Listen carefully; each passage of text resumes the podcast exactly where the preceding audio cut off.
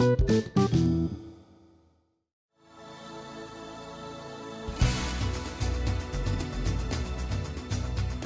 yang lebih e, berisiko atau lebih bahaya gitu, Pak? Kekurangan inventory atau kelebihan inventory?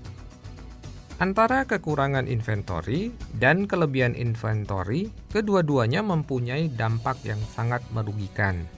Di antara keduanya, maka dampak kekurangan inventory, khususnya di kelompok inventory yang bersifat fast moving, amat sangat merugikan. Pertama, jika barang, khususnya barang fast moving, tidak tersedia di toko, maka otomatis akan terjadi hilangnya potensi penjualan yang besarnya tidak bisa kita ketahui dengan pasti. Kedua, tidak tersedianya barang di toko, khususnya untuk kelompok barang fast moving, akan mengakibatkan kekecewaan bagi pelanggan kita. Karena itu berarti pelanggan tidak bisa memenuhi kebutuhan atau keinginannya. Jika kejadian ini berulang maka akan menimbulkan suatu persepsi di mata pelanggan. Toko kita bisa dianggap tidak baik dalam menjawab kebutuhan mereka.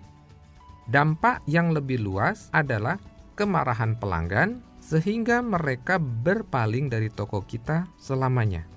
Dengan kata lain, kita baru saja kehilangan pelanggan akibat dari sering kosongnya barang di toko kita.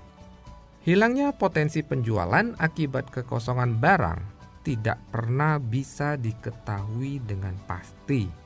Selain itu, yang lebih penting adalah kita bisa kehilangan pelanggan yang bila tidak segera diatasi akan mengakibatkan makin turunnya penjualan di toko kita. Sebaliknya nih Pak, jika terjadi kelebihan inventory apa yang akan terjadi Pak? Kelebihan inventory jika terjadi pada kelompok barang yang bersifat fast moving, dampaknya lebih ringan dibanding dengan jika terjadi pada kelompok barang slow moving. Pada kelompok barang fast moving, kelebihan inventory bisa mengakibatkan sedikit tekanan pada cash flow perusahaan, tetapi memiliki potensi untuk meningkatkan penjualan, khususnya jika momennya tepat Contoh, kelebihan inventory di barang yang sangat dibutuhkan pada momen tertentu berarti mengamankan potensi terjadinya penjualan. Sebaliknya, kelebihan inventory pada kelompok barang slow moving maka dampaknya akan sangat besar khususnya bagi keuangan perusahaan. Coba kita simak sama-sama contoh perhitungan berikut ini. Jika kelebihan inventory kita misalkan 100 juta, sedangkan indeks perputaran inventory yang terbentuk adalah 60 hari.